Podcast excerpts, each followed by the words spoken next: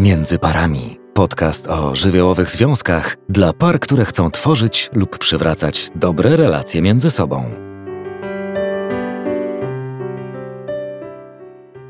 Witam Was w kolejnym odcinku żywiołowych związków. Dzisiaj porozmawiamy o tym, dlaczego nam tak trudno jest być razem, a więc będziemy mówić o różnych przekonaniach, które wpływają czy nawet czasem determinują nasz związek i sprawiają, że czujemy się w nim nieszczęśliwi albo szczęśliwi. To trochę zależy od tego, jakie przekonania są w nas ugruntowane. Zapraszam Was serdecznie. Zaprasza Marita Woźne. Przygotowując się do tego podcastu, zastanawiałam się bardzo szeroko nad tym zagadnieniem. Myślałam o tym, jak to było u mnie, kiedy dorastałam. Zastanawiałam się, jakie wy możecie mieć doświadczenia w tych aspektach, i pojawiły mi się różnego rodzaju pytania, bo pomyślałam sobie, jak wielu z nas w życiu, kiedy dorastało, kiedy było dzieckiem, kiedy było już później nastolatkiem, czy tak naprawdę młodym dorosłym, miało takie doświadczenia, w których mogło porozmawiać z innym dorosłym, który przeżył już pewien okres życia i mógł trochę więcej nam powiedzieć o związkach, o miłości czy o seksie. Czy ktoś z Was miał takie doświadczenie, że mógł pytać swoich rodziców albo jakichś innych ważnych osób o doświadczenia związane z miłością, czy na przykład z seksem? O tym, kiedy to sprawia przyjemność, a kiedy nie, jak e, się zabezpieczać, a także jeśli wątek na przykład religijny dla niektórych był bardzo istotny, a spotykam się z tym, że a co jeśli po ślubie ten seks fajny nie będzie? Bazując na swoich różnych doświadczeniach, ale też historiach, które słyszę w gabinecie, myślę, że bardzo często było tak, że nie słyszeliśmy nic. Albo nie dostawaliśmy odpowiedzi na te pytania, albo nawet ich nie zadawaliśmy, bo nie mieliśmy takiego poczucia, że możemy to zrobić, bo czuliśmy, że ktoś będzie tutaj zakłopotany, że jest przestrzeń na to, żeby poruszać takie trudne tematy. A czasem słyszeliśmy po prostu, że jeśli się kogoś kocha, to ma się fajny seks i to się tak czuje, że się jest ze sobą razem i że to jest właśnie ta osoba.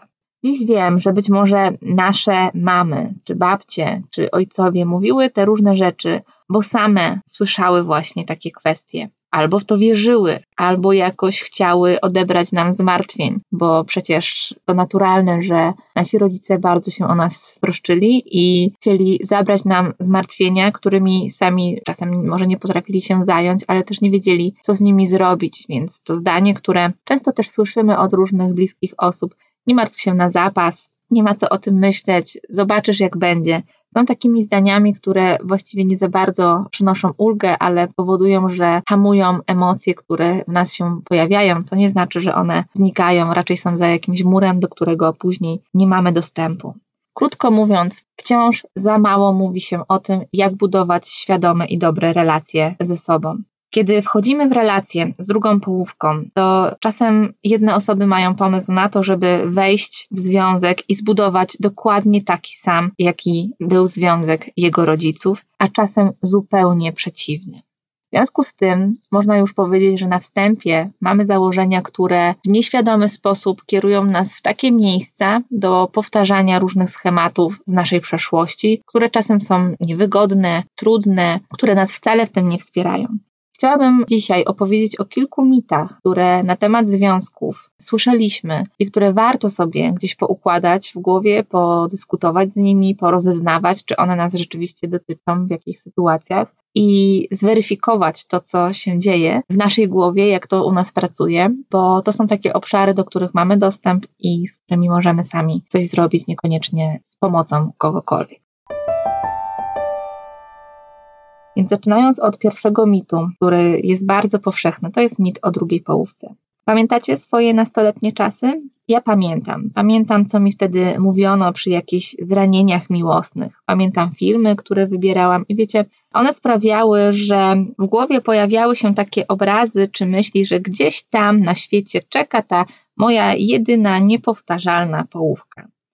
Jak dołożymy do tego kontekst religii, to na to pytanie, a jeśli moja druga połówka jest gdzieś na drugim końcu świata, to czasem mogliśmy słyszeć różne odpowiedzi. Starałam się poszukać, jakie odpowiedzi ludzie dostawali. Jedną z takich odpowiedzi było na przykład to, że ktoś słyszał, że Bóg nie pozwoli na to, abyśmy się nie spotkali, albo los jakoś tak sprawi, że się przecież przyciągniecie. Więc będziecie to czuć, że to jest właśnie to, że to jest ta jedyna i niepowtarzalna miłość.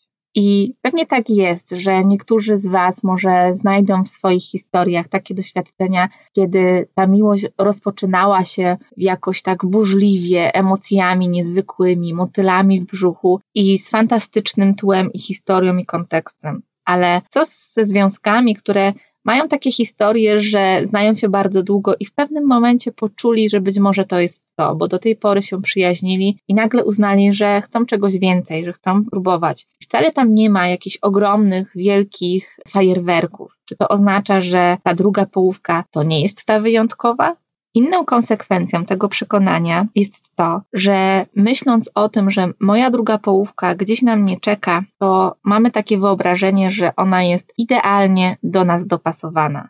Co to oznacza? Właściwie oznacza kłopoty, tak bym powiedziała w skrócie, bo przecież my się różnimy. No i jeśli pojawi się nagle kłótnia, to chcemy sprawdzić, czy jak ktoś nie spełnia naszych potrzeb, to to jest ta osoba, która powinna z nami być. Jeśli ktoś zaczyna nas denerwować, frustrować, zaczynamy czuć rozczarowanie w relacji, to czy to oznacza, że ja naprawdę znalazłam swoją drugą połówkę, a może powinnam poszukać kogoś innego, bo przecież skoro jesteśmy albo bylibyśmy połączeni, to bylibyśmy jednością, takim prawdziwym związkiem, który poradziłby sobie z tą sytuacją. Bo gdybyśmy byli prawdziwie połączeni, to ta osoba przecież spełniłaby moje potrzeby, a skoro ich nie spełnia, to może lepiej ją wymienić.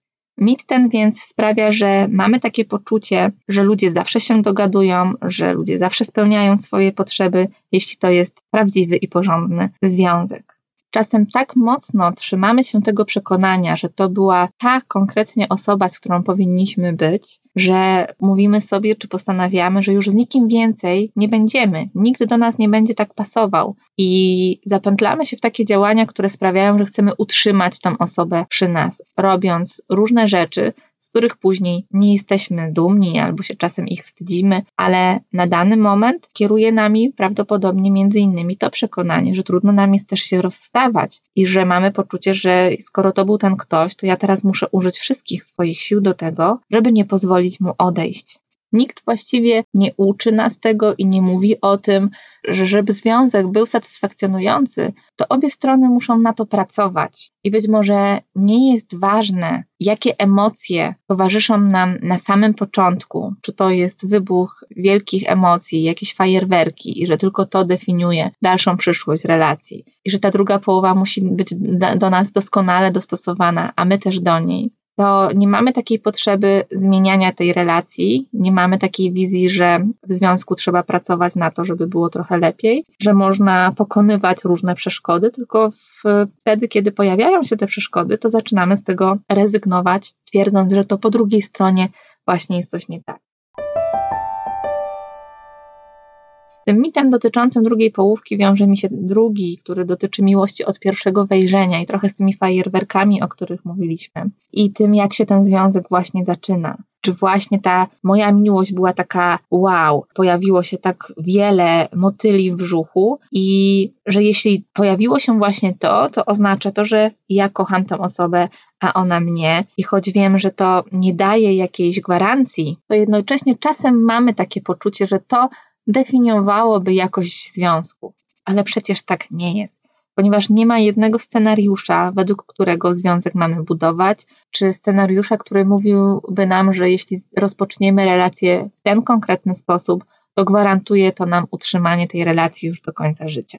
I wszystko, co dotyczy tej drugiej połówki i miłości od pierwszego wejrzenia, jest związane z pewnym rodzajem idealizacji tej relacji, czy właśnie drugiej połowy. A na bazie tego tworzy się taki mit, że w dobrych związkach ludzie się nie kłócą. I że jeśli są doskonale do siebie dopasowani, to przecież nie ma powodu, żeby się sprzeczać. I że jeśli się kochają prawdziwie, to nie powinny występować w relacji olbrzymie kłótnie. A przecież wcale tak nie jest, bo pamiętajmy, że różnimy się od siebie bardzo mocno, że potrzebujemy innych rzeczy, że zmieniamy się w czasie trwania tego związku i że możemy się wspierać o różne kwestie, ale póki się szanujemy, to to jest ok. Znam pary, które przez wiele lat milczały, nie kłócąc się ze sobą, i raczej doprowadziło ich to do ruiny i rozpadu tej relacji, niż do zagwarantowania jej jakości i trwałości właśnie do końca swoich dni. W związku z czym napięcie, które się buduje, które e, generujemy, gdzieś tam chomikujemy w naszym ciele, sprawia, że w pewnym momencie to i tak odzywa się do nas i mówi: Halo, tu mi się nie podoba, coś tutaj się dzieje nie tak w tym związku, chcę czegoś innego. I często tym czymś innym jest właśnie kłótnia, by móc wreszcie rozładować to napięcie, by móc wreszcie powiedzieć, jaki ja mam punkt widzenia, by usłyszeć, co druga osoba ma mi do powiedzenia w różnych kwestiach. Chodzi o takie konstruktywne wspieranie się, ale czasem, nawet jeśli nie potrafimy się konstruktywnie wspierać, a milczymy i nie rozwiązywaliśmy takich konfliktów w naszym związku przez wiele, wiele lat, to być może na początku ta kłótnia wcale konstruktywna nie będzie. I dopiero musimy nauczyć się tego, bo przecież nikt z nas nie urodził się z taką umiejętnością doskonałego rozmawiania z drugim człowiekiem zgodnie w oparciu o e, język NVC, prawda?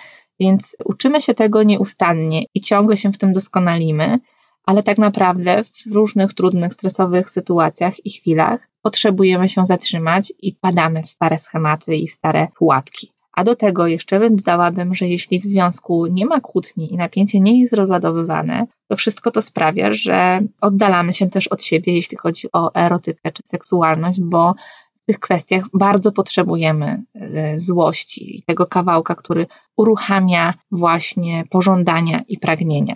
Więc e, dobrze jest, żeby nie zbierać swoich żali i nie oddalać się od siebie, tylko dawać upust tym różnym emocjom, które pojawiają się i właściwie powiedziałabym, że dobre związki kłócą się ze sobą, ale zachowują szacunek do siebie.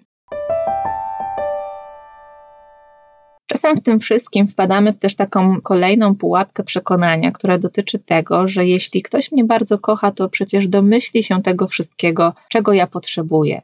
Bo jeśli na samym początku naszej relacji tak świetnie się do siebie dopasowaliśmy, żyliśmy w jakimś rodzaju symbiozy, e, znaliśmy swoje pragnienia, potrzeby, staraliśmy się, żeby było nam cudownie i wspaniale, nagle okazuje się, że coś tutaj zgrzyta i nie za bardzo jest nam jakoś po drodze i pojawiają się różne trudności, to myśli, które się rodzą na bazie tego przekonania są takie, że jak on się nie domyśla tego, co ja chcę, to pewnie mnie już nie kocha, pewnie mu na mnie nie zależy. I dzieje się to przecież po wielu latach związku, gdzie ludzie mówią, ale ja przecież nie chcę mówić jej, co ona ma zrobić, bo przecież skoro jest ze mną, to powinna to wiedzieć.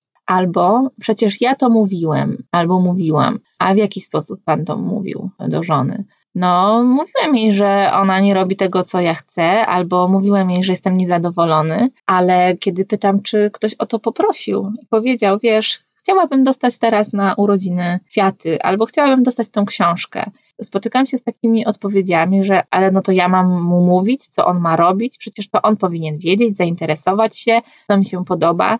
A myślę sobie, że to nie o to chodzi, abyśmy domyślali się, tylko żebyśmy też potrafili dbać o to, co nam służy, żeby brać sobie miłość, którą potrzebujemy. Bo nawet jeśli jesteśmy doskonale dopasowani do siebie, to nie czytamy w sobie myśl, w myślach, nie siedzimy w swoich głowach, nie wiemy, co w danym momencie ktoś może czuć czy potrzebować, mimo że w wielu sytuacjach potrafimy to zrobić.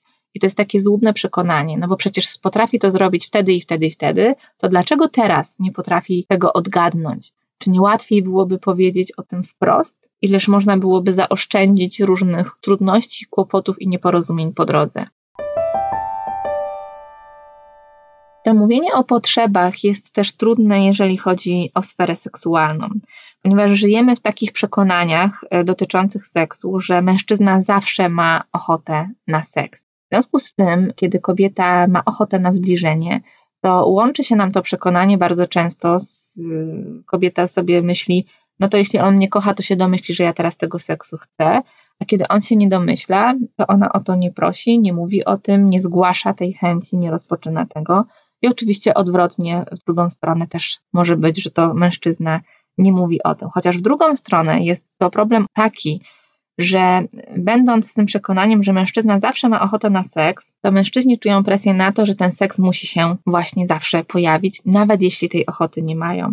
Bo jeśli ten seks się nie pojawi, to zostaną odebrani jako niemęscy, nieatrakcyjni, że druga połowa pomyśli sobie, no ze mną coś jest y, chyba nie tak. I to wzajemnie się napędza, czyli brakuje trochę takiego kawałka szczerości, kiedy można ze sobą porozmawiać o tym wprost, jak bardzo można wtedy zobaczyć, co się z nami dzieje, co się dzieje z kobietą, której mężczyzna mówi, wiesz, mnie boli głowa i ja teraz nie chcę, bo jest już późno, jest już wieczór. I czy ona ma zgodę na to, że on może nie chcieć, czy ona ma takie myśli, coś się na pewno stało, może kogoś ma, może się zakochał, może ja już nie jestem atrakcyjna, a pewnie tutaj przytyłam, a tutaj pewnie coś źle zrobiłam. I jak bardzo te myśli zaczynają determinować naszą relację, bo jak pójdziemy w ten kawałek i zaczniemy wyrzucać te różne pretensje albo podejrzenia, to awantura gotowa, a ten człowiek tak naprawdę mógł być tylko zwyczajnie zmęczony. Tylko na bazie tego przekonania, że przecież mężczyzna nie ma prawa być zmęczony, bo on zawsze musi być gotowy i dyspozycyjny do seksu, sprawiają, że nie jesteśmy w stanie zobaczyć, że to może być realność, że on teraz ma inne potrzeby. I co więcej, to jest kawałek, który znowu dotyczy seksualności, że to mężczyzna jest odpowiedzialny za ten orgazm u kobiety, albo że kobieta tego orgazmu nie przeżywa. Więc już pomijam ten cały aspekt, który się gdzieś toczy o to, który orgazm jest lepszy, pochwowy czy łechtaczkowy, to myślę sobie, że to jest cały obszar ciągle niezbadany, o którym też się mówi wciąż za mało, że kobieta też może uczyć mężczyznę, ale przede wszystkim siebie, bo zanim mężczyznę, to ona sama musi ze sobą mieć kontakt, jak sprawiać sobie przyjemność, jak dawać sobie tą przyjemność i satysfakcję. I że ten seks nie zawsze musi się kończyć penetracją, żeby był satysfakcjonującym zbliżeniem. To jest kolejnym przekonaniem o tym, że pary na przykład przychodzą i jedna osoba z pary mówi, ale my nie uprawiamy seksu, a okazuje się, że tak naprawdę do zbliżeń seksualnych dochodzi, tylko nie ma w tym związku penetracji z jakiegoś powodu, bo ktoś mierzy się z różnymi lękami czy bólami, ale bliskość fizyczna się pojawia. I teraz, jak wiele trudności, właśnie w relacji, bazuje na takich przekonaniach, które my gdzieś mamy w swojej głowie, a nie są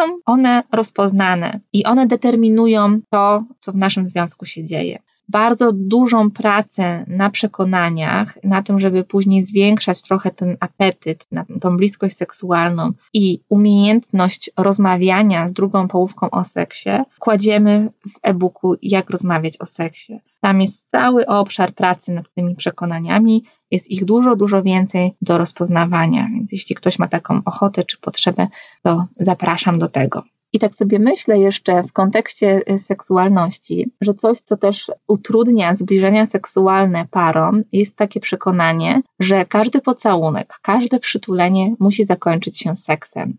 I jeśli my mamy coś takiego w głowie, to w sytuacji, kiedy nie mamy ochoty na ten seks, będziemy robić wszystko, aby ta druga połowa do nas się nie zbliżała, nie dotykała, nie całowała, nie przytulała, bo przypadkiem może z tego być coś więcej, bo ona może chcieć więcej, bo on może chcieć coś więcej, a ja teraz nie mam na to ochoty. Więc nie stosuję takiej techniki, żeby powiedzieć, czego potrzebuję, że jestem gotowa tylko na przytulenie, ale może jak się poprzytulamy, to z tego coś będzie więcej, a może mam ochotę tylko posiedzieć blisko obok ciebie i pocałować się i poprzytulać. Nie otwieramy tego tematu. Co my zwykle robimy? Nie rób mi, nie mów tak, zostaw mnie, nie dotykaj, nie mam ochoty i automatycznie zamykamy się na tą relację i na tą przestrzeń, która mogłaby budować bliskość. Wtedy, kiedy bylibyśmy gotowi odkrywać po pierwsze swoje przekonania, głośno mówić o tych potrzebach, sprawdzać, co jest po drugiej stronie, czy też komunikować się ze sobą e, na temat tego, co jest między nami. Ale jeśli mamy poczucie, że w związku nie może być kłótni, to nie będziemy otwierać trudnych tematów. Więc ile też takiej pracy indywidualnej musimy włożyć nad sobą, żeby ta jakość naszej relacji mogła się zmieniać i poprawiać i zwiększać. I na koniec chciałabym przytoczyć kilka takich przekonań, które właśnie są związane z końcem relacji. Jednym z tych takich przekonań, które czasami gdzieś nam towarzyszą, jest to, że prawdziwa miłość wszystko wybaczy. I w obliczu konferencji, która e, za moment już się pojawi, czyli rozwód i co dalej, myślę sobie, że to przekonanie też może jakoś dużo wyjaśniać różnych rzeczy, bo będziemy tam rozmawiać na konferencji e, z Magdą Adamowicz z Projektowanie Szczęścia na temat toksycznych związków. I będziemy rozmawiać o tym, co się dzieje, kiedy w związku doświadczamy różnego rodzaju przemocy psychicznej czy fizycznej i tego, jak trudno czasami wyjść z takiej relacji, bo jak bardzo ona nas gdzieś wikła I to jest czasem ten moment, kiedy spotykamy się ze swoim przekonaniem, że jeśli moja relacja jest prawdziwa, mój związek i moja miłość jest prawdziwa, to ja wybaczę to i on się zmieni, albo ona się zmieni, że jakoś będziemy nad tym pracować. Natomiast trochę brakuje takiego kawałka, żeby rozeznawać swoich granic, kiedy to my już nie chcemy więcej, kiedy czujemy, że nasze granice są nadwyrężone, nadszarpnięte a jednocześnie godzimy się na to, że ktoś mówi, wiesz, robię to dlatego, że cię kocham. Jestem taki zazdrosny, ale to dlatego, że nie jesteś mi taka wcale obojętna i to, że y, zabraniam ci różnych rzeczy jest związane z tym, że ja nie chcę się z tobą z nikim dzielić, bo ty jesteś moja i ja cię kocham i przecież jesteśmy razem i pamiętasz na samym początku związku zawsze byliśmy tak razem dla siebie, więc teraz też wróćmy do tego. A więc ta zazdrość nie świadczy o sile tej miłości, a czasami o toksyczności. I tutaj, w tym miejscu, chcę Was automatycznie zaprosić na webinar o tym, jak radzić sobie z zazdrością w związku, który pojawi się 10 listopada. Zapisy na międzyparami.pl w zakładce webinar i o zazdrości będziemy tam rozmawiać dużo, dużo więcej. Ale wracając do naszych przekonań, to oprócz tego, że wszystko możemy wybaczyć miłości, jest jeszcze takie przekonanie, że prawdziwa miłość y, nigdy się nie kończy. I my mamy sporo takich doświadczeń kulturowych, czy bajek, czy różnych filmów, które z przeszłości gdzieś widzieliśmy, oglądaliśmy i mamy taki przekaz, że kiedy dochodzi do ślubu i jakby już nie za bardzo pokazuje się, co się tam dzieje dalej i mamy w głowie to, że jeśli już raz weszliśmy w jakąś relację, to nie powinniśmy z niej wychodzić, tylko powinniśmy o nią bardzo mocno dbać, nawet wtedy, kiedy staje się dla nas toksyczna i nie wychodzić z niej, bo przecież tak powinno być, bo mamy takie przekonanie właśnie. I jak dołożymy do tego takie przekonanie, że my zmienimy tą drugą połowę, które też jest bardzo, bardzo częste, to jesteśmy w stanie trwać latami w relacji, w której jesteśmy poturbowani, poranieni, nasze granice są nieustannie przekraczane, a my żyjemy w takim przeświadczeniu, że jak się bardziej postaram, to ta druga osoba przecież się zmieni co tak naprawdę, o czym to mówi? O takiej naszej wewnętrznej potrzebie bycia ważnym, bycia zauważonym, bycia docenionym, bo przecież jeśli mi się to uda i on się dla mnie zmieni, to jak wyjątkową osobą muszę być, że on to dla mnie zrobił, a w poprzednich relacjach to się nie udawało. Więc karmimy się trochę taką iluzją, jakimś marzeniem i zamiast zajmować się tym, co jest w nas, czyli naszym niskim poczuciem własnej wartości, tym dlaczego jesteśmy w stanie nadwyrężać i jak bardzo granice swoje po to, żeby zyskać to złudne poczucie bycia ważnym, że dopiero po wielu latach orientujemy się, że chyba to tak nie działa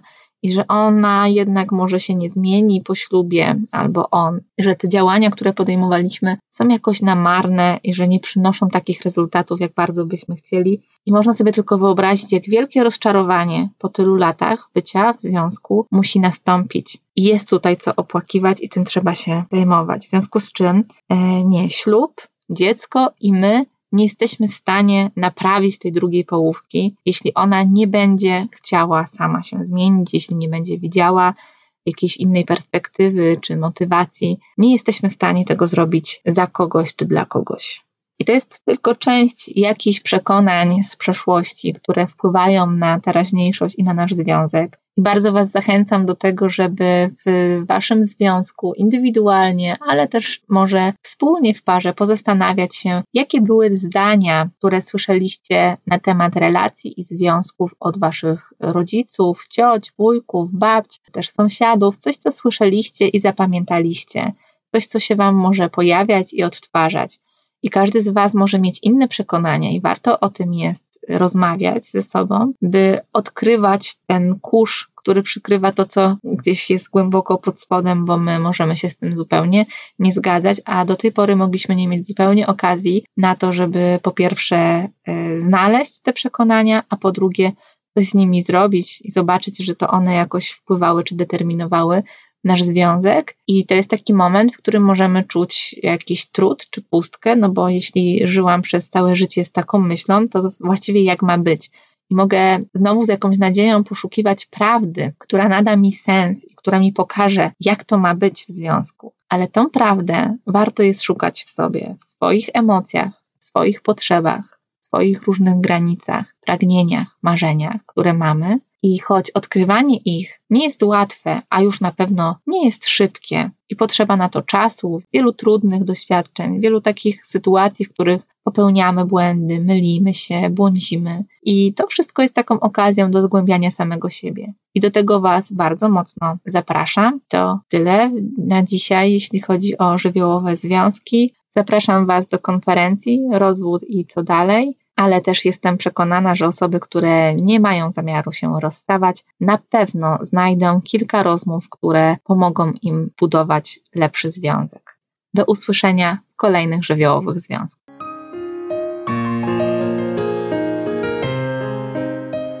Jeśli chcesz posłuchać innych odcinków na temat psychologii związków, zajrzyj na międzyparami.pl. Jeśli masz propozycję tematu na kolejny podcast, wyślij wiadomość przez formularz na stronie.